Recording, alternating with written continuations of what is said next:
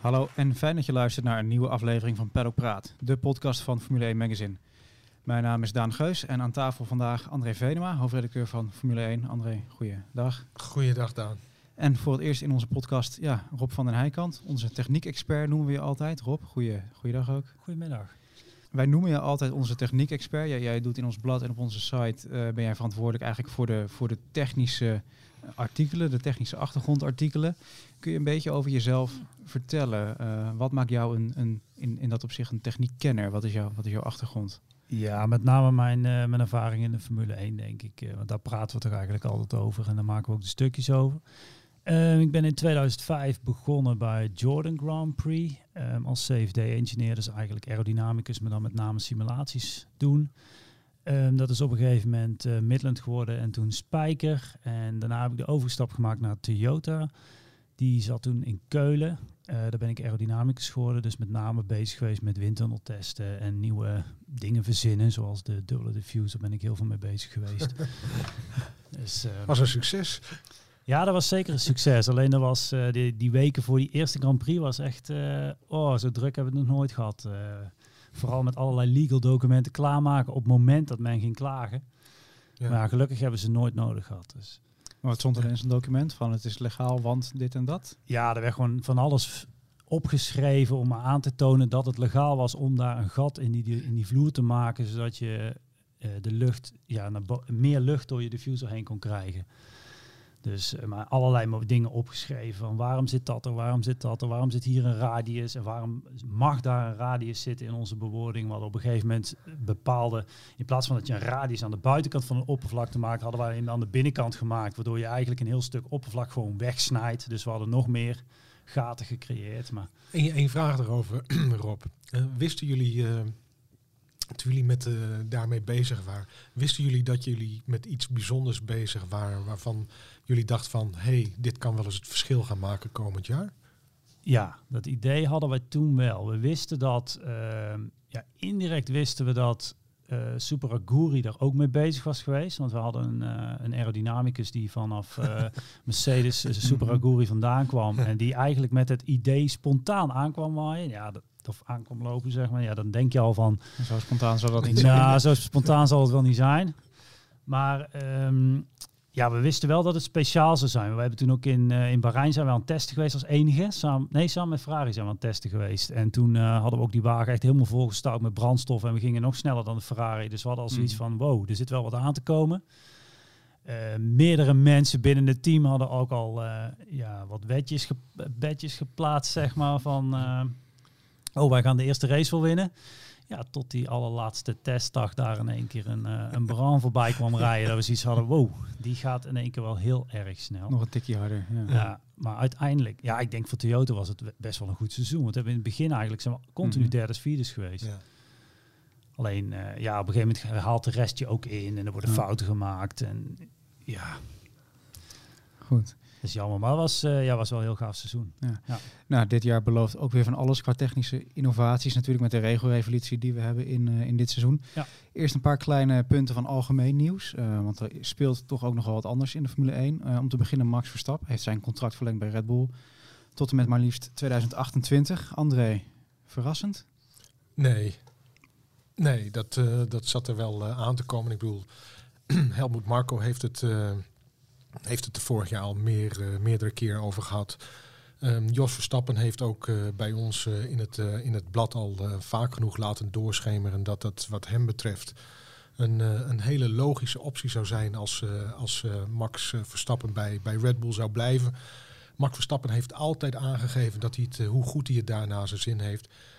hij is natuurlijk het, ja, hij is, hoe zeg je dat?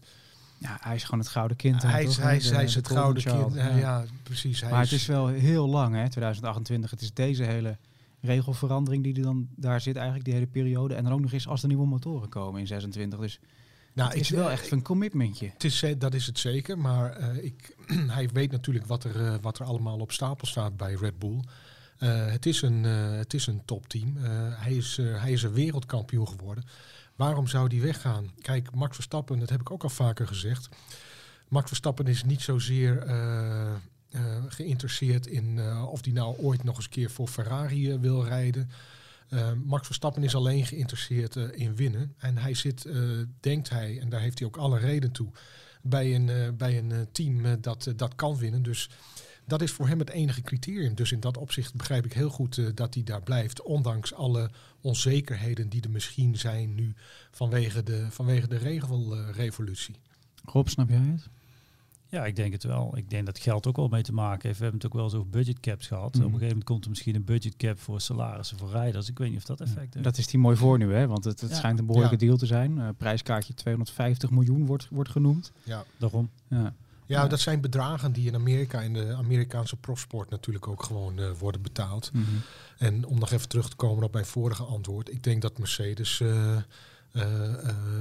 eigenlijk geen optie meer is of was de komende, voor de komende jaar. Naar wat er allemaal is gebeurd. Dus ik, dan blijft er niet zoveel over. Hè. Ja, de Ferrari, maar goed, Ferrari zit ook... Zit ook vol. goed met, ja. ja. die, hebben, die zetten hun geld op, op Leclerc. Mercedes zet het in de toekomst uh, op Russell. Ook omdat ze weten dat Max Verstappen daar toch niet uh, naartoe uh, zal gaan. Dus zoveel keuzes zijn er denk ik ook niet.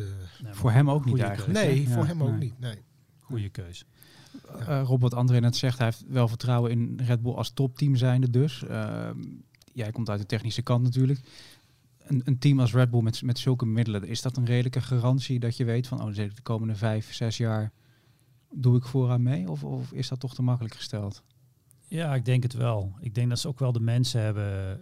Je ziet bij Mercedes ook, die houden ook gewoon echt de vaste mensen. Uh, die basis is gewoon altijd hetzelfde. En je hebt gewoon daar gewoon die, die knappe koppen zitten. En die, ieder jaar komt daar gewoon weer een goede auto uit. En als die in het begin van het jaar iets tegenvalt, dan vinden ze wel weer wat om hem weer uh, ja, naar boven te krijgen. Het beste eruit te halen, zeg maar. Dat, ja, dat hebben ze bij Red Bull natuurlijk afgelopen jaren vaak zat gehad. Dat ze slecht beginnen en, en De middelen en faciliteiten zijn er. Faciliteiten zijn er allemaal. Daar hoeven ze niet meer in te investeren. Dus ja.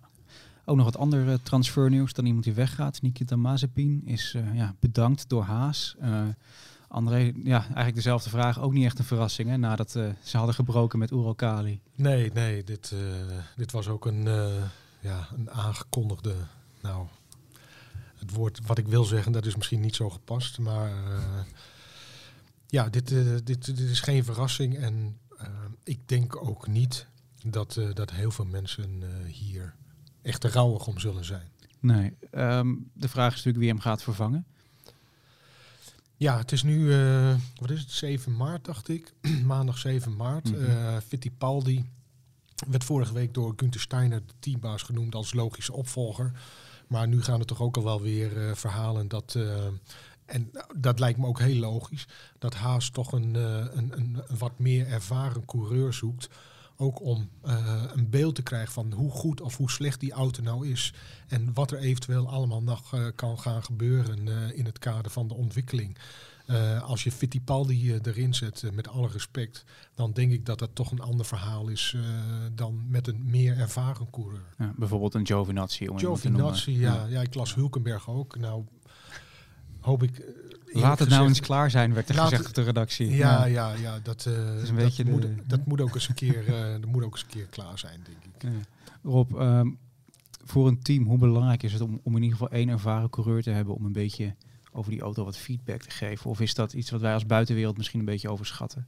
Of juist onderschatten? Ik heb wel het idee dat het tegenwoordig minder is dan vroeger. Tegenwoordig met al die simulaties en al die middelen die je hebt, ja, die auto staat ongeveer helemaal klaar voordat hij op vrijdag eh, gaat rijden. En in dus het verleden had volgens mhm. mij de coureur gewoon veel meer impact op, op, op hoe die auto, ja, waar die auto naartoe moest. Zo'n Schumacher die was continu aan het, uh, aan het testen en continu bij het team aanwezig om input te geven. Tegenwoordig, ja, Hamilton, hoe vaak zit hij in de simulator? Voor de goede dat, was Michael Schumacher niet Mick. Maar, iedereen heeft het altijd over, die, over de weekenden. Oh, ze zijn uh, zoveel weekenden achter elkaar. Nou, volgens mij, die chauffeur of die coureur die heeft er niet zoveel last van. Ik denk dat het erger is voor het team, zeg maar. Maar ja, die, die komen gewoon aan. Uh. En de auto lekker aanvliegen op donderdag en uh, stappen in. Ja, die stappen in en die auto die staat er al helemaal. Ik, ik, denk dat het tegenwoordig wel meevalt. Uh, alleen ja, een ervaren coureur, het, het, is altijd ook... Ja, het is wel meerwaarde. Het, het, brengt zeker meerwaarde, ja. ja. zeker wel. Zeker toch ook in een team met twee, uh, twee uh, jonkies van uh, begin twintig. Kan je beter iemand hebben die er gewoon al meerdere jaren gereden heeft, die ook de circuits niet meer hoeft te leren kennen. Ja. ja. Ja, wat ander nieuws natuurlijk nog ook aangaande uh, Rusland. Uh, de Russische Grand Prix is van de kalender verdwenen. Komt ook niet meer terug, heeft de Formule 1 uh, benadrukt. G gaatje op de kalender nu dus. Um, ja, waar zouden we de Formule 1 naartoe zien gaan? Wat denken we dat logisch is? Ik heb China gehoord, ik heb Maleisië gehoord, wat natuurlijk super zou zijn. Mooi circuit daar. Maleisië zou fantastisch zijn. Ja, maar misschien is een prachtige race. Ja. Misschien is het Midden-Oosten of Portugal bijvoorbeeld, Turkije, wat, wat logischer. Ik, ik, denk, ja, dat, ik denk toch dat uiteindelijk uh, het gaat om uh, cash is king. Hè? Uh, ik bedoel, een bekende uitspraak van, van Lewis Hamilton vorig jaar of twee jaar geleden. En zo zal het ook zijn. Um, maar als je er eentje mocht aanwijzen, dan zou het waarschijnlijk Maleisië zijn. Hè? Valt ook lekker tussen Singapore en Japan natuurlijk. Ja, logistiek gezien ja. uh, zou dat geen, uh, geen slechte keus zijn. Maar ik verwacht toch dat het weer... Uh, ik denk toch dat het Europa wordt, Turkije wellicht. Turkije wil heel graag mm -hmm. permanent op de kalender. Hè? Dat, dat is algemeen bekend. En het, het geld is er, de, de, steun van de regering is er om daar weer permanent op de ka kalender te komen. Dus het zou me niet verbazen als we weer naar uh, Istanbul Park gaan. Ook een, uh, ook een prachtig circuit ja. trouwens. Uh, niks mis mee. Hè? Ja, helemaal mee eens. Goed, laten we dan ja, overgaan op het technische deel van deze podcast in die zin. want de auto's zijn natuurlijk compleet veranderd dit jaar. De 2022 auto's hebben een enorme regelrevolutie achter de rug. We hebben net de eerste test achter de rug in Barcelona. En later deze week gaat het natuurlijk weer los in Bahrein. Een uitgebreide technische uiteenzetting van de regels is natuurlijk te lezen in onze seizoengids, de previewgids. Aanrader. Uh, ligt nu in de winkel, uh, ook te koop via formule1.nl natuurlijk. Uh, Rob, daarin ja, doe je eigenlijk uit de doeken wat, wat er zo nieuw is en zo anders aan die 2022 auto's. Um, ja, voor de luisteraars, kun jij dat even kort samenvatten, kort, kort resumeren? Wat maakt deze auto's nou anders dan die van vorig jaar? Ja, eigenlijk alles wat je ziet aan de buitenkant is eigenlijk heel, heel simpel. Er is eigenlijk de binnenkant is van allemaal. De, de bin, ja, de motor is nog steeds ja. de motor, zeg maar. Er zijn een paar kleine wijzigingen. Um, en dus, ja, de hele anders is alles is anders. De andere achtervleugel, andere voorvleugels, uh, nieuwe chassisregels. Um, sidepods zijn allemaal anders. Uh, de banden zijn natuurlijk anders. De velgen zijn anders. Er is zo ontzettend veel veranderd aan de buitenkant. Vooral aerodynamica, hè? Ja, het is met name gericht op aerodynamica. Ze wilden het uh, inhalen, verbeteren. Dus ja, vandaar dat uh, de FIA heeft gewoon, uh, volgens mij zijn ze daar wel drie, vier jaar mee bezig geweest met een heel team. Mm -hmm. uh, nieuwe regels verzonnen, ook zelf testen doen, windtunneltesten, zelf heel veel CFD cases, simulaties gedaan, om met een nieuwe auto te komen die dus zijn downforce meer van, van de vloer af moest halen in plaats van van andere elementen. Dus op het moment dat een auto achter een andere auto rijdt, dat hij zeg maar minder effect heeft van die, van die vieze lucht. Mm -hmm. Dus en ja, dat zien we ook wel terugkomen. Daar hebben de coureurs ook wel gezegd van ja, ik kan dichter op een andere auto rijden. Ja, de vraag is of dan het inhalen makkelijker wordt. Weet ik 1, 2, 3 nog niet. Want ja, het inhalen is makkelijk als je ook zeg maar je. Um, als je kan slipstreamen. En slipstreamen werkt op het moment dat je downforce wegvalt als je achter iemand zit.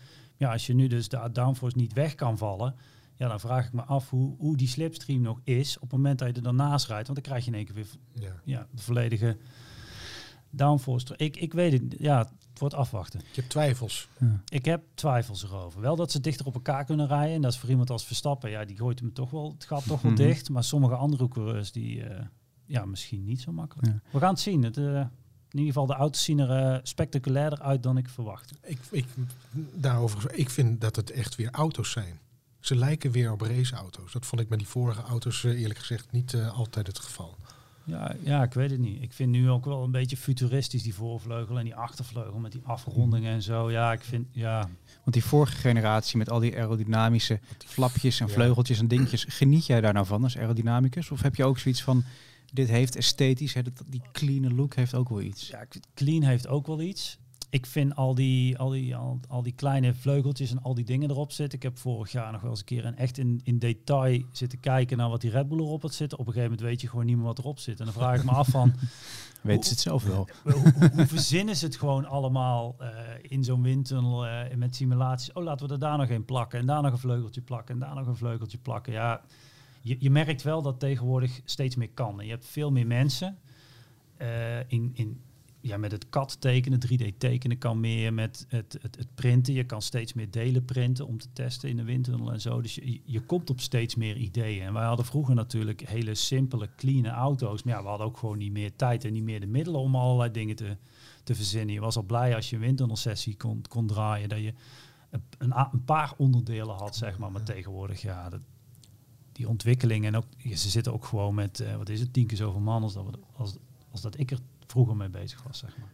Je had het net al over de vloer. Um, de term die vaak gebezigd wordt nu is het ground effect. Um, ja, dit is natuurlijk geen visueel medium, dus we kunnen het niet laten zien met plaatjes. Maar kun jij voor de luisteraars uitleggen, wat, wat is dat precies en hoe zie je dat terug in die huidige generatie auto's? Ja, je hebt eigenlijk wat men gecreëerd heeft, je hebt een, een, een vloer onder die auto liggen en in die vloer heeft men eigenlijk een, een vliegtuigvleugel ingezet aan, vanaf de onderkant. En op het moment dat een, een, een vleugel dicht bij de grond komt, dan uh, je creëert zuiging, omdat die lucht sneller tussen de vloer en tussen dat profiel heen gaat. En dan wordt eigenlijk die hele auto aan de grond toe, naar de grond toe gezogen. En dat is eigenlijk het ground effect waar men over, over praat. En ja, dus die auto wordt helemaal naar de grond toegezogen door die hele grote vleugel die eigenlijk onder die auto, uh, onder die auto zit. Nou, dat geeft ook gelijk aan de nadelen die men op dit moment ondervindt. Ja, meerdere mensen hebben het al wel gehoord of, uh, of, of, gezien zelfs op filmpjes op YouTube. Heel mooi te zien. Het uh, purposing, zoals men het noemt. Die auto die gaat lopen trillen, gaat echt ja, trillen. Het, het, lijkt gewoon een, een stuiter. Ja. Een soort stuiter, hobbelpaard. Een hobbelpaard. Ja. ik, ja, ik toevallig gisteren nog een filmpje van een Ferrari gezien. Nou, ik, ik, ik moest er eigenlijk wel om lachen toen ik hem voorbij zag. Want, want, want, hoe komt dat dan? Ja, eigenlijk alle teams hebben er last van. En uh, ik, ik denk dat men indirect wel wist dat het zou gebeuren met die crowd effect auto's, maar dat men het niet heeft kunnen. Um, ja, niet eerder gezien heeft. Dan gaan we zo even pin. Eerst even kort van ja, wat, wat gebeurt er nou? Die auto wordt zeg maar helemaal naar de grond toegezogen. Op het moment dat die auto naar de grond toegezogen wordt, dan komt die dus steeds dichter bij de grond te zitten. En dan wordt eigenlijk het gat tussen de, uh, die, die vleugel en tussen de vloer wordt steeds kleiner en kleiner. Maar aan de achterkant heb je nog wel een hele grote diffuser. Dus die lucht die, die gaat door een hele kleine ruimte en die moet zeg maar in één keer hmm.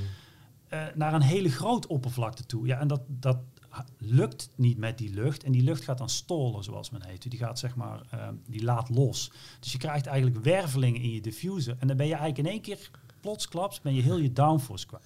Nou, wat gebeurt er als je in één keer 40, 50 procent van je downforce kwijt bent, ja, die auto die wordt niet meer naar de grond toegezogen. En wat doen die vering van die auto? Die drukt die auto weer naar boven. Nou, dan wordt die auto weer naar boven toe gedrukt. Wordt die weer zo ver van de grond afgedrukt dat hij weer wel downforce krijgt. Gaat die auto weer naar beneden. En zo gaat dat gewoon de hele tijd op en neer. Boom, boom, boom, boom.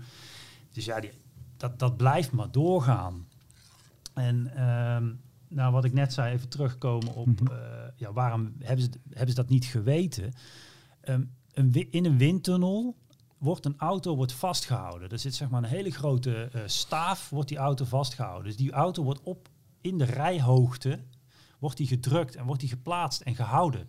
Dus daar merken ze niet dat in één keer dat er stol is en dat die auto naar boven komt. Nee, die auto blijft gewoon staan wat die staat. Die laat misschien wel zien dat er stol is, maar die laat niet zien dat hij dan in één keer naar boven weer gedrukt wordt, zeg maar. Omdat die auto continu in een vaste positie gehouden wordt. En ja, dus men komt voor het eerst met zo'n echte auto op de baan. En dan in één keer gaat die auto zich anders gedragen dan wat men in de windtunnel zag. Waarom ziet men dat niet in de simulator? Heel simpel, de resultaten van de windtunnel worden in de simulator gezet. Dus in de simulator komt ook dat gestuiter niet voor, mhm. want dat zit niet in de windtunnelmodellen. En precies de hoeveelheid downforce die je hebt in, in de windtunnel wordt in zo'n simulator gezet. Het zal toch geen verrassing zijn voor de teams dat dit gebeurde? Nee, ik denk dat ze allemaal wel wisten dat het zou gebeuren, omdat het in het verleden ook gebeurd is, maar misschien niet de hoeveelheid ervan. Ja, ja. En ja, dan zegt de FIA heel simpel van, ja, dan, dan, dan zet je die auto hoger. Mhm. Ja, klopt. Dat is eigenlijk de oplossing. Als je het 1, 2, 3 op zou willen lossen, zet je gewoon die auto wat hoger. Want dan heb je het misschien over 20 mm, misschien 30 mm aan de achterkant die auto omhoog zetten. Maar dat kost enorm veel downforce Dat kost gewoon heel veel downforce. Nou ja, zie, je kan het ook zien. Vorig jaar had je natuurlijk de Mercedes die lage reek had. De Red Bull had een hoge reek. Zie je het nu dat je in één keer die auto van een lage reek naar een hoge reek moet zetten? Ja, dan werkt heel die auto niet meer. Dus is niet echt een quick fix uh, voor de teams die er echt heel erg veel last van hebben. Ja, dat zou de eerste fix zijn. Uh, kijk, Ferrari heeft al gezegd, we hebben de oplossing. Ja, natuurlijk, die zetten gewoon die auto ietsjes hoger, dat ze er minder last van hebben. Uh, maar, maar dat, is, dat is toch geen structurele oplossing dan? Nee, uiteindelijk wil je weer terug dat je, dat je die, die, die stol niet meer hebt. Dus Ja. hoe kan je Mhm. zorgen dat die stol niet meer hebt? Dat, dat jij toch, dan moet je gaan zorgen dat er toch lucht in die diffuser komt. Dus schone lucht in die diffuser. Om te zorgen dat je zeg maar, geen ijdele situatie krijgt zodat die stol kan ontstaan. Ja, dat kan je doen door slots in de, in, in de vloer. Aan de buitenkant van de vloer zie je al bij best wel wat auto's. Die hebben daar allemaal eh, sleuven in zitten. En nou, daar zorg je voor dat er de schone lucht door, toch nog in die diffuser terechtkomt. En ja, dat zijn trucjes die men toe kan gaan passen. Ja, dat, ja, dat gaat gewoon heel veel tijd kosten. Dat kost uh, windtunneltijd. En uh, ja, men moet echt gaan, gaan bedenken van ja, hoe gaan we dat oplossen? Zeker omdat je het ook niet kan simuleren. In de, Ja. Je kan het niet in de windtunnel nabootsen. Dus je, je zal iets moeten gaan verzinnen. Ja, Dus dat zal in, in Bahrein voor veel teams zal dat een, eh, ja, een, een, taak op het lijstje zijn, denk ik. ja, zeker. Ik denk dat er vast wel teams zijn die gewoon vijf, zes verschillende vloeronderdelen Mhm. meenemen om te kijken of ze het op kunnen lossen. En men zal denk ik gaan proberen om die, die, die, die rijhoogte aan de achterkant wat omhoog te zetten. Gewoon om het maar op te lossen. Kijk, op een rechte stuk heb je er misschien niet zo heel veel last van. Ja, het is gewoon irritant voor een rijder. Maar op het moment dat je het in een high-speed corner hebt, ja, dat, dat wil je echt niet hebben dat je downforce kwijt bent. Want dan, schiet die wa- dan, dan gaat die ba- wagen gewoon eh, van de baan af. En in Barcelona heeft nou niet echt van die high-speed corners om ja, vergeleken met andere circuits. Dus André, eh, jij weet waar je op moet letten komende week in, eh, op Sakir. Ehm, ja, nog een probleem waar veel teams mee kampen is overgewicht. Het minimumgewicht is nu 795 kilo. Dat is al opgelopen. Vorig jaar was het eh 752. Zo zie ik op mijn aantekeningen staan. Eh, Rob, hoe kan het nou dat, eh, dat teams toch verrast zijn? Hè? Dat je al die, die toename van het minimumgewicht al hebt en dat teams toch nog te zware auto's afleveren? Nou, er zijn heel veel nieuwe ja, regelgevingen gekomen, met name op veiligheid. Dus het hele chassis heeft eigenlijk eh, veel meer veiligheidseisen eisen gekregen, waardoor het chassis een heel stuk zwaarder is geworden. Je dan denken aan crash tubes en allerlei andere zaken. Dus die auto is al in zijn gewicht ho- omhoog gegaan, Mhm. zeg maar, vanwege al die extra chassis-elementen. Eh, tevens, eh, ja, die nieuwe banden en velgen, eh, die zijn ook een heel stuk zwaarder geworden. Dus ehm, ja, daar, daardoor zijn ze zwaarder geworden. Ik denk wel dat het interessant maakt, want het team dat is dus uiteindelijk het eerste zijn gewicht naar beneden kan krijgen door allerlei slimme dingen. Ik weet niet hoe ze het op gaan lossen.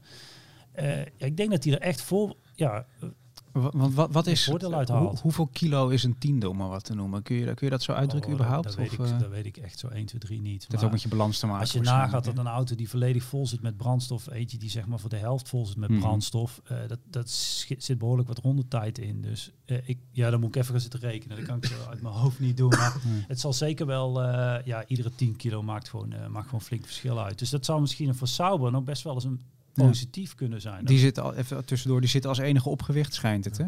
Ja, dat Voor vind ik aan de ene kant ja. wel apart dat ze dat als enige team voor elkaar gekregen hebben. Maar ehm, ja, ik, ik, ik, weet het, eh, Ja. ik weet het ook even niet hoe ze het gaan doen. Want op een gegeven moment, je, je, je moet ook nagaan, je chassis en je crash eh, testen, die heb je allemaal al gedaan. Dus op het moment dat jij daar echt flinke veranderingen in gaat, Ja. gaat doen om je gewicht te sparen, en dan moet je al die tests ook weer opnieuw gaan doen.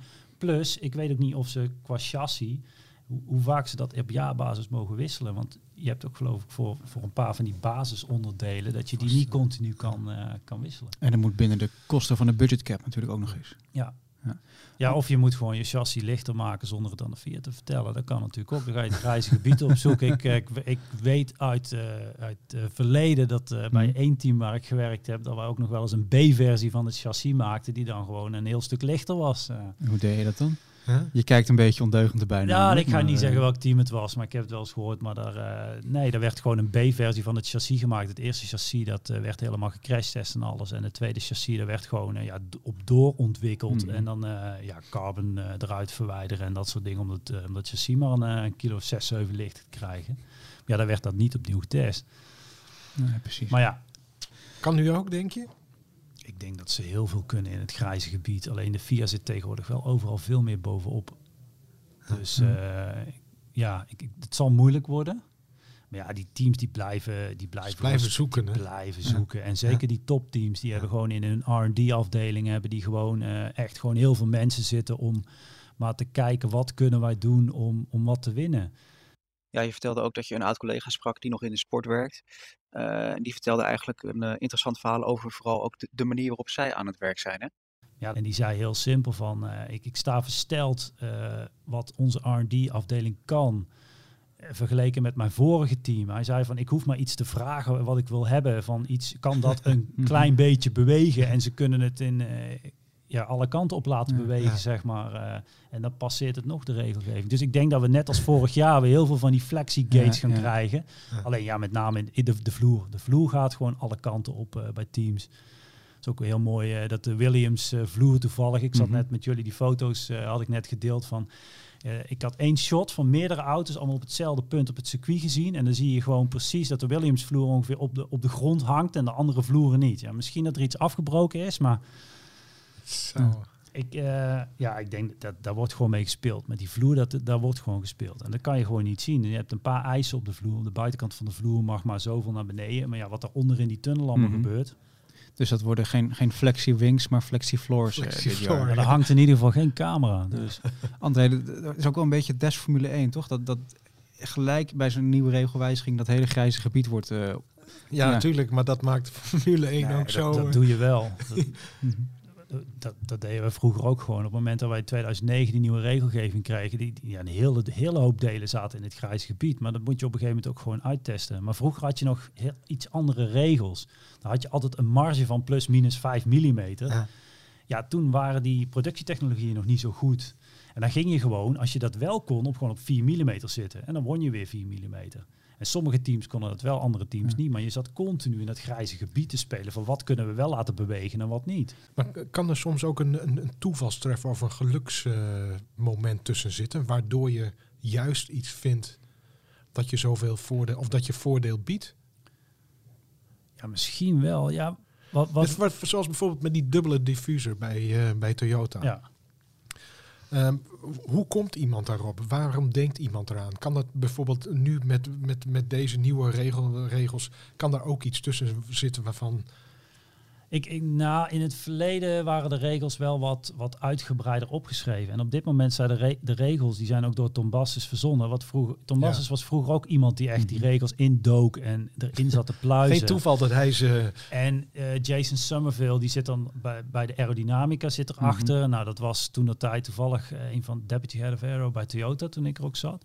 Ehm, ja, die mannen die, die, die kennen die regelgeving. Die weten hoe ze die regelgeving uit moeten pluizen. Dus die weten ook hoe ze het op moeten schrijven. Ross En- Brown Ja. zit er ook natuurlijk. Ross? Brown zit er ook. En dat noem je er ook nogal eentje op die nogal heel erg tussen de regels eh, kan lezen. Maar, Maar dat hebben we in 2009 wel gezien. Die- Ja, in 1994. Maar die, die, die, re- ja, die regels, die, die, we- ze zijn dit jaar ook wel zo erg opgeschreven. Dat, of dat, ik, ik hoorde van heel veel vrienden van mij die nog in de Formule 1 werken. Zo van, ja, we kunnen eigenlijk gewoon helemaal niks met die regelgeving. We kunnen heel weinig. En ja, het enige verschil waar je nu ziet bij de teams, je ziet alleen dat de sidepods anders zijn. Ja. Maar verder zie je eigenlijk maar heel weinig verschillen tussen die auto's. Omdat die regelgeving, ja, alles staat vast.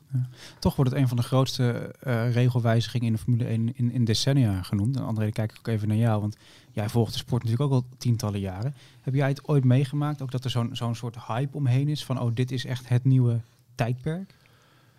Mm, nee. Dat is ook meer de media tegenwoordig, denk ik. Want 2009, wat ik kan herinneren, Dat- ja, dat, dat- daar zat ik natuurlijk Ja. middenin. Maar dat was ook een gigawijziging. Ja, ja, maar dat is denk ik ook eh, wat Rob zegt, het, het grote verschil. Als je hè, 2009 vergelijkt met 2022, kijk naar het medialandschap. Mm. Hè, kijk naar eh, internet, kijk naar social, eh, social media. Weet je, alles wordt, alles wordt uitvergroot en, eh, en, en, en dit is daar ook een, eh, een, een heel, goed, heel goed voorbeeld eh, van. En in, in 2009 eh, kan ik me niet herinneren, terwijl dat ook inderdaad wat Rob zei, dat toen veranderde er ook heel veel. Maar dat stond echt werkelijk in geen verhouding tot, tot wat ik nu allemaal lees en, en overal zie. Dat, dat, dat is echt, dat is, het, is echt, het is echt een media, een Ja. media dingetje. eh, wat toen veranderde ook gewoon de hele Ja. auto veranderde. Hè. De, de, de diffuser was Ja. compleet anders. De voorvleugel was eerst zo'n vleugel met vleugels die ook over de neus heen gingen bij sommige teams. En allerlei elementen gingen in één keer naar, naar een vleugel toe die gewoon twee keer zo breed was ongeveer. En ja, alles veranderde toen. Het was een compleet andere wagen. En nu eigenlijk weer. Gewoon weer een compleet andere wagen. Dus het, wat mij betreft zijn het, zijn het allebei gewoon hele grote wijzigingen geweest. Alleen nu zit ja, de media zit er gewoon veel meer bovenop. Ja. Een auto die natuurlijk enorm veranderd is, is de Red Bull RB18. Sterker nog, die is zelfs sinds de presentatie enorm veranderd. Want ja, wat ze daar lieten zien was eigenlijk gewoon een soort, uh, soort, soort showmodelletje, zullen we maar zeggen. Ja, van, uh, van die ze even in de, Ja. in de, in de, in de In, in de lak clubkleuren eh, gespoten. Ja. gezet. Ja. Ja, slim. Ehm, in, in Barcelona zagen we de, achte, de echte, en het wa- het was nogal een opvallende auto natuurlijk, Rob. Ehm, in het kort even, wa- wat is jou opgevallen aan die auto? Het, Ja, ehm poolrods in plaats van pushrods. Dat, dat viel natuurlijk op. McLaren had ze ook al. Alleen Kun, je- kun je dat- uitleggen wat het... eh, Ja, Daan heeft het vorige keer ook al uitgelegd in de vorige podcast. Maar het is eigenlijk... ehm, eh, het zijn eigenlijk een, een, een, een, een van de stangen van, de, van het, eh, het ophanging, de ophanging aan de voorkant. Eh, normaal gesproken bij, bij pushrods lopen die van eh, bij de chassis aan de bovenkant naar aan de onderkant bij de, bij de drum, bij de barrel. Of ja, de, de, ik praat nog in die oude termen, maar in ieder geval je bij de onderkant bij, bij de remmen, zeg maar. Ja. En nu lopen ze eigenlijk van boven naar beneden. Ehm, ja, met name puur voor aerodynamica gedaan. Ehm, ik heb toevallig nog met eh, iemand gesproken die, eh, die, die, die er echt in zit, in die ophanging en zo. En die zegt ook van, eh, ja, dat is puur aero geweest. Want uiteindelijk, ze doen allebei hun werk. Hij zegt van het enige, ik heb medelijden met die monteurs, zei hij, want die moeten dus voortaan onder de auto gaan liggen om wijzigingen aan te brengen. In plaats van dat ze aan de bovenkant aan de schroefjes kunnen draaien. Maar waarschijnlijk gewoon dus puur voor aero gedaan, dat dan de stroming naar achteren net iets beter is. Ander ding wat opviel echt aan die auto, eh, ja de sidepods, die, Ja. die sprongen er echt uit bij, eh, bij de Red Bull. Een hele grote undercut gemaakt, dus eigenlijk gewoon die lucht, die, eh, ja, die kan gewoon van voor ongeveer naar achteren doorgaan. Natuurlijk aan de voorkant zat zo'n hele grote schep. Ja, ik noem het maar eventjes een schep. Je zou ook Mhm. bijna kunnen zeggen, Verstappen heeft een extra trapje gekregen om zijn wagen in te krijgen. Maar ja, waarom zit die schepper, kan je denken, van misschien willen ze meer lucht toelaten. Nou, daar ben ik ook even ingedoken. Dat is eigenlijk met name om, ehm, eh, om, om te zorgen dat de wake, dus de, de, de, de, de wervelingen die van de band afkomen, doordat je zo'n ontzettend scherpe undercut maakt, kan die eigenlijk gewoon naar achteren toe stromen. En dat wil je niet. Je wil die week niet naar achteren hebben, want dan stoort hij de achtervleugel en de diffuser weer. Dus ze hebben iets anders nodig om die lucht naar buiten te duwen. Nou ja, wat doe je dan? Je kan je sidepod, brengen ze iets naar voren met die, met die grote lip. Daar creëer je eigenlijk een hele hoge druk. En daardoor, door die hoge druk, wordt eigenlijk die, die wheelwake wordt weer naar buiten gedrukt. Dus ze hebben iets gedaan aan de achterkant van de sidepods wat negatief zou zijn voor die bandenlucht. En dan proberen ze het op een andere manier weer goed te maken door zo'n schep daar te plaatsen. Die eigenlijk door, door het daar zitten, het ter plaatse zijn van dat ding, ervoor zorgt dat die lucht iets verderop naar voren al denkt van hé, hey, daar wil ik niet naartoe, ik ga naar buiten. Mhm. Hoe, hoe- Dat moeten voor jou toch prachtige tijden zijn. eh, Nou, ik vind het heel leuk om naar al dit soort dingen te kijken van wat doet alles en proberen Ja. zelf eh, na te denken wat het doet. En als ik het soms niet weet, dan, eh, dan stuur ik Dan even je een appje naar Engeland of naar Italië. Dan kom ik er op die manier wel achter. Alleen eh, ja, de ene die, eh, die laat iets meer los dan de andere, zeg maar. Maar dit, eh, ja, dit, dit heb ik toevallig gehoord van een eh, insider. Niet bij Red Bull, Mhm. maar bij een ander team. Die zei van, oh, dat doen ze dit en dit en dit. Nee. Hoe komt een team nou tot zo'n radicaal concept? Want je hebt tien auto's op de grid, of twintig eigenlijk, en maar tien verschillende natuurlijk. Eh, Oké, bij iedereen zijn de sidepods duidelijk een gebied waar aan gewerkt is en gedacht. Hè, dat is al jaren zo. En Red Bull komt in één keer echt met iets wat eh, niemand anders heeft. Hoe, Nou, is ze zijn heel breed aan de bovenkant en heel smal aan de onderkant. Zal niet zo goed zijn voor de center of gravity, denk ik. Want hun gewicht ligt toch allemaal wel wat hoger. Mhm. Eh, ja, hoe, hoe je dat normaal gesproken, je gaat gewoon eh, de windtunnel in of in CFD en je bekijkt gewoon wat doet een brede sidepod, wat doet een smalle sidepod, wat doet een hoge sidepod, wat doet een lage sidepod. Je gaat gewoon die dingen gewoon proberen. En die test je dan één keer en dan tegelijkertijd verander je de voorvleugel. Wat nou? Want je kan niet zomaar een sidepod wisselen. Dat heeft weer effect op wat er achter gebeurt en aan de voorkant gebeurt. Dus je, je gaat een, dingen combineren. En welke combinatie komt daar nou het beste uit? En heel vaak zit er ook gewoon een gedachtegang achter van, hey, als wij dit doen, dan kunnen wij dat bereiken. En dan gaat men gewoon zo lang door met testen, totdat men Dat- ook bereikt heeft. Kijk, Ferrari, heel, heel, om even naar de Ferrari te springen, Ja. Ferrari heeft een ontzettend brede, grote sidepod gemaakt. Dus die, hebben, die hebben eigenlijk geen undercut bijna. Een gigantisch brede sidepod. Wel een soort badkuiper in, hè? Ja. Ja, ja, die is heel mooi. En ja, die badkuiper in, die zorgt er eigenlijk gewoon voor, er zitten precies al die openingen. Dus die, al die vuile lucht, die komt daaruit. En door die badkuip kun je eigenlijk die vuile lucht een beetje opvangen. En die stuur je dus eigenlijk gericht naar een bepaalde plek aan de achterkant. waar je hem ook wil hebben. Ja, het liefst wil je hem helemaal niet hebben, maar dan stuur je hem naar een Mhm. plek toe waar je hem wil hebben. Als je die badkuip niet gehad zou hebben, dan zou die vuile lucht zou over de sidepod heen gevallen zijn, precies in het gebied waar je je schone lucht voor je diffuser wil hebben. Het is eigenlijk best wel slim verzonnen. Maar even terug naar die hele brede sidepods. Ferrari heeft ervoor gekozen om, ehm, om hele grote radiatoren te gebruiken. En daarom hebben ze eigenlijk zo'n hele brede sidepod nodig. En waarom hebben ze nou gekozen voor hele brede radiatoren? Ehm, de eerste paar centimeter van de radiator die werken altijd het beste. Want daar heb je de, de, de grootste temperatuurverschil tussen je, je water en de olie die erin zit en de koude lucht buiten. Dus je kan wel een, radiator nemen van 10 centimeter di- dik. Maar als jij nou een radiator van 3 centimeter dik neemt en die maak jij groter dan een standaardmaat, dan heb je uiteindelijk veel minder oppervlakte. Of tenminste veel minder materiaal nodig. En eh, ja, minder materiaal is ook minder water en olie wat erin zit, zeg maar. Dus Ferrari heeft het puur uit gewichtsbesparing Hmm. gedaan. Dus die, die hebben misschien wel 20, 30 procent gewicht bespaard op al hun radiatoren door dit concept te doen. Nadeel is, hele brede sidepod. Nou, een voordeel van een brede sidepod is ook vaak dat je aan de buitenkant van je sidepod ehm, heel veel zuiging hebt. En die zuiging die kan je weer gebruiken in combinatie met je vloer, waardoor ze dus waarschijnlijk aan de buitenkant van hun vloer weer meer downforce creëren. Dus het, het, het is een beetje Mhm.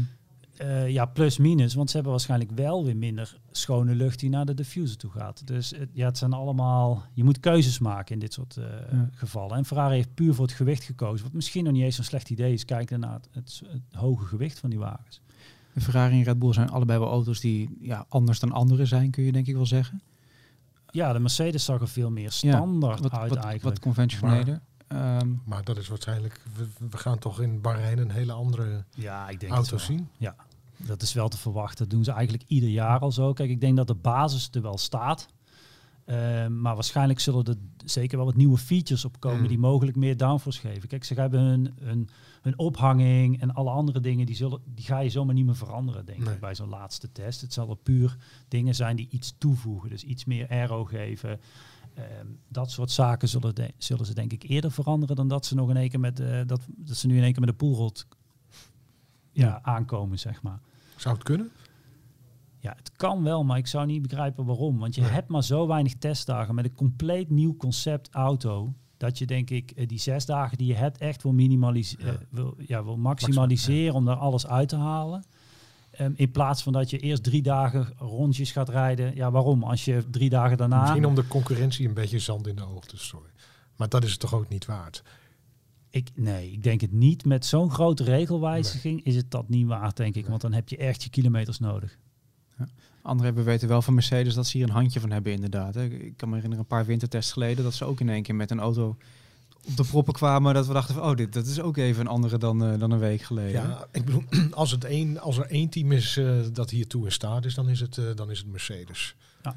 Nou, je moet niet vergeten, die vorige test natuurlijk is... eh, we hebben heel veel van die aerodynamische reeks, zoals we ze noemen, die, eh, die, die, harken gezien. Mhm. Ehm, ja, de, de test is heel belangrijk geweest om, om de correlatie op orde te krijgen tussen CFD, de windtunnel en, en, en het echte werk. Want dan pas kun je zo'n auto goed ontwikkelen in CFD en in de windtunnel. Op het moment dat alles wat jij tijdens je simulaties ziet, dat dat in het echt ook gebeurt. Dus ze moesten wel ja, heel veel tijd besteden om met die reeks te rijden. Nou, ik, ik heb foto's gezien, echt, die auto's hingen continu vol. Ja. Hoeveel kun je nou tussen zo'n eerste en tweede test doen als team? Hè? Stel je voor je bent een Haas of een Alfa Romeo, je hebt een slechte eerste week. Heb je dan eh, nu eh, zeven dagen non-stop eh, zitten werken? Of, of heeft dat Ik geen denk zin? dat het heel moeilijk wordt. Ik denk dat het heel moeilijk wordt. Ze kunnen tegenwoordig steeds meer. Kijk, als jij op bepaalde kleine delen op het circuit problemen hebt. Stel je hebt een probleem in een high-speed corner of je hebt een probleem in een, in een low-speed corner. Dan, dan zou je daar nog aan kunnen werken tijdens je windtunnel. Maar zo'n klein team als Haas en die heeft precies net pech, want hun windtunnelperiode valt gelijk, eh, valt net in het verkeerde weekend omdat Ferrari in die tunnel zit. Ja, dan, Mhm. dan kan je niet veel. Ja, ja. Dus ja, ik, ik denk dat het heel moeilijk is om daar echt op, eh, op te reageren. En dat de meeste teams ehm, alle spullen wel klaar hebben, zeg maar. Want het moet ook nog naar Bahrein toe vervoerd worden. Dus dan wordt het sowieso later in het jaar als je nu echt verkeerd zit. Dan, eh, Ik denk dat je dan de eerste of de tweede race zit, dat je dan meer kan doen, ja. Ja, ja. Ehm, zijn er nog andere auto's die jou echt zijn opgevallen? Ik zie namelijk dat je wat aantekeningen hebt staan, maar ik kan Ik ze heb net wat niet lezen ik heb wat hier. aantekeningen Blauwe auto, gemaakt. toch? Ja, die blauwe auto die, eh, die al jaren achteraan rijdt, eh, de Williams, eh, die zeg maar. Ja, die is me ook wel opgevallen. Die had zeker qua aerodynamica een paar interessante features erop zitten. Zoals? Ja, ook weer de sidepods eigenlijk. Het is eigenlijk een van de weinige gebieden waar men nog iets kan ontwikkelen. Want de voorvleugel, de achtervleugel ligt allemaal vast. De diffuser ligt eigenlijk ook helemaal vast. De vloer ligt eigenlijk qua plan view shape van bovenoppervlak ligt eigenlijk vast. Eh, het mooie bij wat Williams gedaan heeft, die heeft op een of andere manier een gat in een sideput kunnen creëren. eh, binnen de regelgeving blijkbaar. ehm, om die lucht naar binnen te laten en er ook gewoon weer uit te laten komen zonder dat hij de radiator heeft gezien. En eh, waarom binnen de reglementen zeg ik dat zo? Omdat ik al gehoord heb dat al heel veel teams aan het protesteren zijn tegen die, tegen die sidepods. Want nee, dat kan niet en dat mag niet. Dus dat wordt weer een leuke... ja, zullen die teams dan met name gaan protesteren omdat ze denken dat het wel eens eh, eh, dat het, het ei van Columbus eh, kan zijn? Ja, misschien wel. Ik, ik weet het niet. Ik denk dat het ook weer een paar man bezighoudt in ieder team. Dus dan heeft Williams daar weer wat op gewonnen. Dus, maar en het, en ja, het kost ook weer geld. Hè? Is, Dus, eh, is het het ei van Columbus? Ja, ik weet het niet. Ik, Nee. vond, ik vond het wel interessant om te zien. Ik vond het heel veel, als je ook naar die vorm van die sidepods keek en je keek Hmm. naar dat gat wat erin zat, het- ik vond het heel veel weg hebben van die eh sidepods die we begin jaren, eh, ja, noem je dat, begin jaren tien, ja. tien jaar geleden hadden, toen we nog die, eh, die exhaust eh, hadden, die, zeg maar geblazen diffusers. die geblazen diffusers had. Daar leek het echt heel veel op. Alleen ja, die snelheid, die lucht die er doorheen komt, die zal wel wat lager zijn. Maar je kan er misschien wel het een en ander mee sturen. Of het is gewoon een manier om, om, om koeling te regelen. Dat je gewoon, eh, als, je, als je dat gat wat kleiner maakt, dat er dan meer licht door de radiator heen gaat. Ja, ik kreeg het er niet uit. Bij een eh, oud collega van mij. Hij wilde niet zeggen waar het voor diende.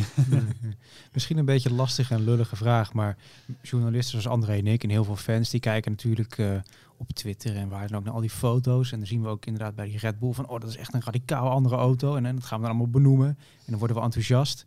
Maar zegt dat nou ook echt iets over de performance van zo'n auto? Of kun je ook met een heel conventioneel ontwerp misschien juist veel sneller zijn? Want je is natuurlijk ook Ik, een denk- ik risico denk het hè? wel. Als jij gewoon een heel basisontwerp hebt, en, en, maar dat gewoon helemaal uitgedacht is, dan denk ik dat je ook een hele snelle auto kan hebben. En eh, ja, bij de Red Bull zie je met name ook heel veel toeters en bellen overal op zitten. Mhm. Het- Het kunnen ook allemaal toepassingen zijn die ze hebben toe moeten passen, omdat ze ergens een beslissing hebben Mhm. genomen. Zie nou die grote lip voor op de diffuser. Of voor, voor op de sidepod, zeg maar. Die hebben ze toe moeten passen, omdat ze aan de achterkant weer iets gedaan hebben. Als je overal zo dingetjes toe gaat lopen voegen omdat je ergens anders een beslissing genomen hebt, ja, dan heb je op een gegeven moment een auto vol zitten met allerlei toeters en bellen die het precies hetzelfde doet als misschien een kale auto. Want ieder aerodynamisch onderdeeltje dat je eraan toevoegt, dat kan downforce leveren. Maar op het moment dat het downforce levert, geeft het ook drag, dus weerstand. Dus dan moet je daar weer voor Ja. compenseren. Is het nou ook een beetje de, de kracht van de grote teams in die zin? En, en we weten natuurlijk, de windtunneltijd en CFD-tijd is beperkt voor de hoger geclasseerde teams in het WK. Maar dat zij toch zoveel slimme mensen hebben dat ze gewoon meer opties hebben, meer concepten om uit te kiezen? Of, of is een klein team echt alleen maar beperkt door zijn creativiteit? Ik denk wel dat bij de topteams wel de slimste koppen ongeveer rondlopen. Want het is een klein wereldje. Op het Mhm. moment dat men binnen een bepaald team iemand heeft die heel goed is en heel veel dingen verzint, da- dan komt men op een gegeven moment achter. En ehm, je ziet soms ook bij kleinere teams dat er mensen naartoe gaan van, van de grotere teams. En dat als, een, als iemand goed is, gaat hij niet weg bij een, gro- bij een groot team. Als iemand bij Red Bull, bij Ferrari of bij Mercedes zit en die zie je op een gegeven moment opduiken bij, eh, bij een Aston Martin of zo, dan Mhm. is daar een reden voor, want dan is hij gewoon niet goed genoeg. Dus ja, dat Ja, salaris is vaak een goede reden. hè? salaris ook. Ja, kijk, op een gegeven moment dan wil jij gewoon ook een sprong maken met salaris. En eh, je moet ook niet vergeten, iemand die al jaren als senior zit, maar geen groepleider kan worden. En dat kan hij wel bij een ander team. Ja. Ja, waarom zou je die, die keuze niet een keer maken voor jezelf van laten zien wa- wat je kan? Is er nou een bepaald gebied van deze auto's waarvan je denkt, daar gaan we echt een ontwikkelingswetloop zien? Ik denk de vloer. Met name de vloer. Kijk, de sidepods van nature deden niet veel. Die zorgen gewoon dat de lucht erin gaat en aan de achterkant komt die lucht er weer uit. Daar zit niet zo heel veel in. Ehm, in de vloer zit gigantisch veel in. Men moet sowieso dus die oplossing voor dat eh, stuiteren gaan, vinden. Dus daar gaat men in de vloerlopen ontwikkelen. Maar de vloer is een van de weinige gebieden waar je nog iets kan. Eh, De voorvleugel mag je niks, de achtervleugel mag je niks. Bij de, de remmen mag je helemaal niks. Zelfs de winglets, die op de kleine vleugeltjes die bij de remmen zitten, die zijn vaste profielen. Dat heeft men allemaal al gezegd van dat mag maar zo zijn. Je mag hem alleen een klein beetje omhoog en een klein beetje naar beneden draaien. Eigenlijk hetzelfde wat je met een camera mag. Mag je helemaal niks mee. Die mag je plaatsen. Vijf graden naar boven, vijf graden naar beneden. Meer mag je niet. En dus er zijn maar weinig gebieden waar men nog iets mag doen. Ja, en een van die dingen is dan de vloer. Wat we natuurlijk bij de vorige regelrevolutie hebben gezien, uh, dan kijk ik even naar jou André ook, is dat de teams eigenlijk heel ver uit elkaar lagen in het begin. Toen hebben Braun en Toyota en Red Bull die een enorme stap hadden gezet en, daarna kwam eigenlijk de rest.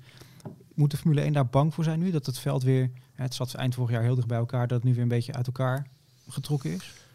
De, de kans daarop is wel, uh, daarop is wel groot. En ehm, ik denk ook dat de regels uh, vooral veranderd zijn om de snelheid snelheid uit de auto's uh, te halen. Dat is niet gelukt. Dat is niet gelukt en dat is ook wel heel naïef om te denken dat het lukt, denk ik. Hè? Zeker, uh, want de mensen bij de teams, die zijn over het algemeen misschien nog wel een tikje uh, slimmer dan de mensen bij, bij de FIA. Ze zijn in ieder geval met meer. Ze zijn in ieder geval met meer. Dus dat is een, dat is een overweging. En ik vond het wel interessant um, dat zij Max Verstappen een jaar vier of vier geleden, denk ik, ooit een keer in een, in een gesprek, dat Ehm, weet je, als je de regels gewoon eens een keer tien jaar laat zoals ze zijn, mhm.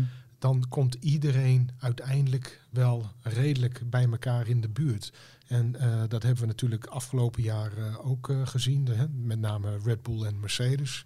En Red Bull jarenlang eigenlijk geen, geen kans gehad. En opeens, opeens waren ze daar en hebben ze de wereldtitel natuurlijk gehaald met Max Verstappen. Maar ja, dat was, nou, dat was natuurlijk gewoon een, vloer, een trim uit de vloer. Als die er niet geweest was, dan... Dan, nee, oké. Maar uiteindelijk, ze waren er mhm. wel. Uh, wat er ook... Ja, uh, wat er ook ze stonden er wel. Ze stond, ja. Um, en uh, dus ik denk ook dat, dat, dat we nu wel weer... ik denk dat de verschillen weer groter gaan worden. En het zal ook weer enige jaren duren voordat voordat het speelveld wat, wat mhm. gelijkwaardig wordt. Zeker als het gewicht ook niet gelijk is. Dan heb je en het gewicht en je hebt de aerodynamica. Heb je meerdere dingen die, die anders zijn. Nou ja, de motoren heb je altijd nog. Ja. Dat de motoren verschil zijn. Daar schijnt Ferrari dus ook heel erg druk uh, aangesleuteld te hebben aan de, aan de motor. Ja, dat, dus, dat, mo dat, mocht wel, denk ik. Ja, dat moest ook. Ik geloof dat Binotto hem uh, de superfast noemde. Ja, dus, uh, ja. ja. Ik weet niet of het wat waard is, maar... Ja, volgens Binotto gaat de motor... nou, dat is natuurlijk altijd vrij cruciaal, maar die gaat een, eh, die gaat een zeer, eh, zeer belangrijke rol spelen in de komende jaren. Rob, dat, dat die regels zo restrictief zijn opgeschreven hè, met al die beperkingen. Mm -hmm. Zou dat nou een manier geweest zijn om te proberen te voorkomen dat het veld zo uit elkaar wordt getrokken? Ja, ik denk toch, het wel. Ze wilden denk ik gewoon die auto's zoveel mogelijk op elkaar laten lijken. Maar dat is niet echt gelukt. Hè? Ze zijn best wel verschillend, toch? Of kijk ik er dan te, te makkelijk naar? Ja, alleen de sidepods zijn anders eigenlijk. Je, maar je, je, zit, je zit in die verschillen ook heel veel, heel veel performance verschil. ik denk het niet. Ik denk het niet. Vroeger kon je met een voorvleugel echt het verschil maken op het moment dat jij die, uh, die stroming rond die band helemaal voor elkaar kreeg. En uh, met je diffuser kon je het verschil maken op het mhm. moment dat jij daar uh, zoveel mogelijk lucht doorheen zou kon krijgen en die lucht naar buiten kon duwen en de lucht in kon, kon krijgen. Ja, als die diffuser nu, die, die, die grootte van dat gat aan de achterkant staat vast.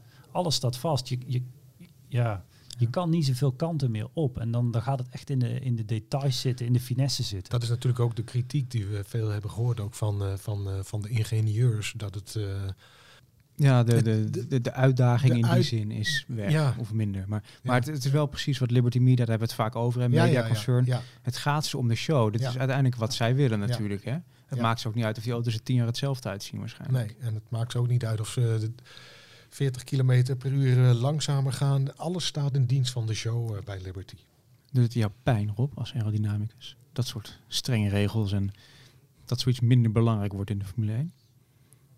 Mm, ik weet het niet. Ik vond die nieuwe regelgeving altijd juist de, de hoogtepunt. Uh, in die tien jaar dat ik in de Formule 1 heb gezeten, heb ik het een paar keer meegemaakt dat die regels flink zouden veranderen. En ik vond dat, ja, het was een van mijn leukste dingen om te doen, nieuwe regels en aan de auto's van het jaar erop werken. Dat is voor een ingenieur toch de uitdaging, of niet? Ja, dat hoort er gewoon bij. Maar ik ben sowieso altijd iemand die met concepten het best mhm. uit de voeten komt. Dus uh, ja, ik vond het altijd gaaf. Dus geef mij mijn nieuwe regelgeving echt geweldig. Elk jaar.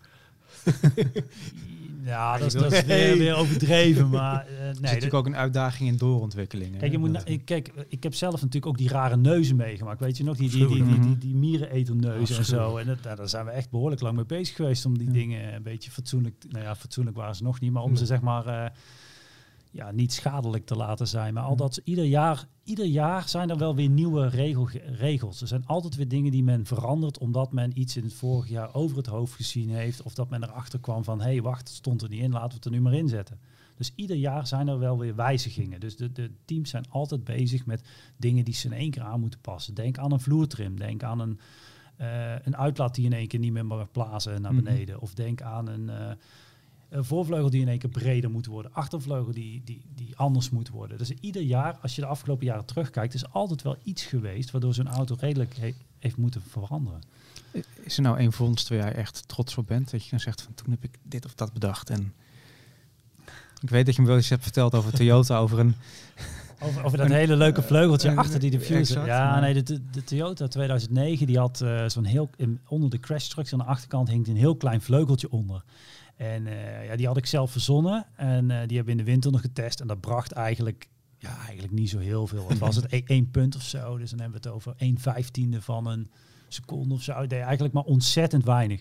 Alleen omdat dat ding zo in het zicht was, waren alle fotografen, die waren alleen maar dat ding aan het fotograferen. En ik weet ook dat mijn baas me op een gegeven moment een keertje uh, in zijn kantoor die zei van, joh, dat heb je perfect gedaan, dat ding. Want niemand is naar onze dubbele diffuser aan het kijken. Iedereen is alleen maar dat, dat vleugeltje van jou aan het fotograferen, wat eigenlijk bijna niks deed. Dus ja, dat Kijk, als je iets verzint wat, wat niemand heeft en wat op een auto zit, is geweldig. Kijk, ik vond die hele dubbele diffuser periode was een geweldige periode. Want ik heb op een gegeven moment ook dingen verzonnen dat dat gat nog groter werd. Of dat die, die, eh, dat die opening nog meer open kwam te staan door, door in dat grijze gebied te gaan zitten, hm. zeg maar. En dat zijn dingen, daar ben ik, ja, daar ben ik hartstikke trots op. Dat heeft niemand ooit gezien.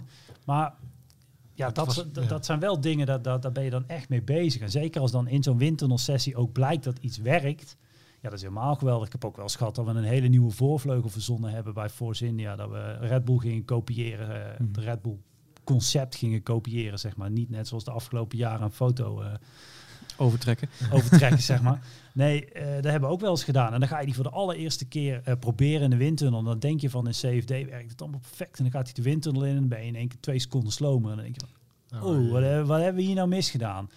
En dan ga je toch, want je weet dat het concept moet kunnen werken en dan ga je eraan werken. En dan de eerste sessie krijg je tijdens die sessie, heb je al een halve seconde gewonnen. En de sessie erop win je weer een halve seconde tot een seconde. En dat zijn echt momenten, daar, was ik, ja, daar ben je dan trots op. Als je na een winter, windtunnelsessie er echt gewoon performance op die auto kon krijgen. Ook al dat het niet 1, 2, 3 zichtbaar, ja, soms niet zichtbaar is voor de buitenwereld. Maar dat, dat vind ik dan gave dingen. Ja, dat, ik, ik weet nog dat we in het Lauwman rondliepen bij die uh, Toyota die daar stond. Mhm. En dan kan ik wel meerdere dingen aanwijzen van... hé, hey, ja, wacht even, daar, daar heb ik aan gewerkt. hey, dat deel, daar heb ik ook nog aan gewerkt. hey, dat ding ziet er zo scheef uit... omdat ik dat toevallig getekend had. Ja, dat, dat, is, dat is hartstikke leuk om te zien. Ja.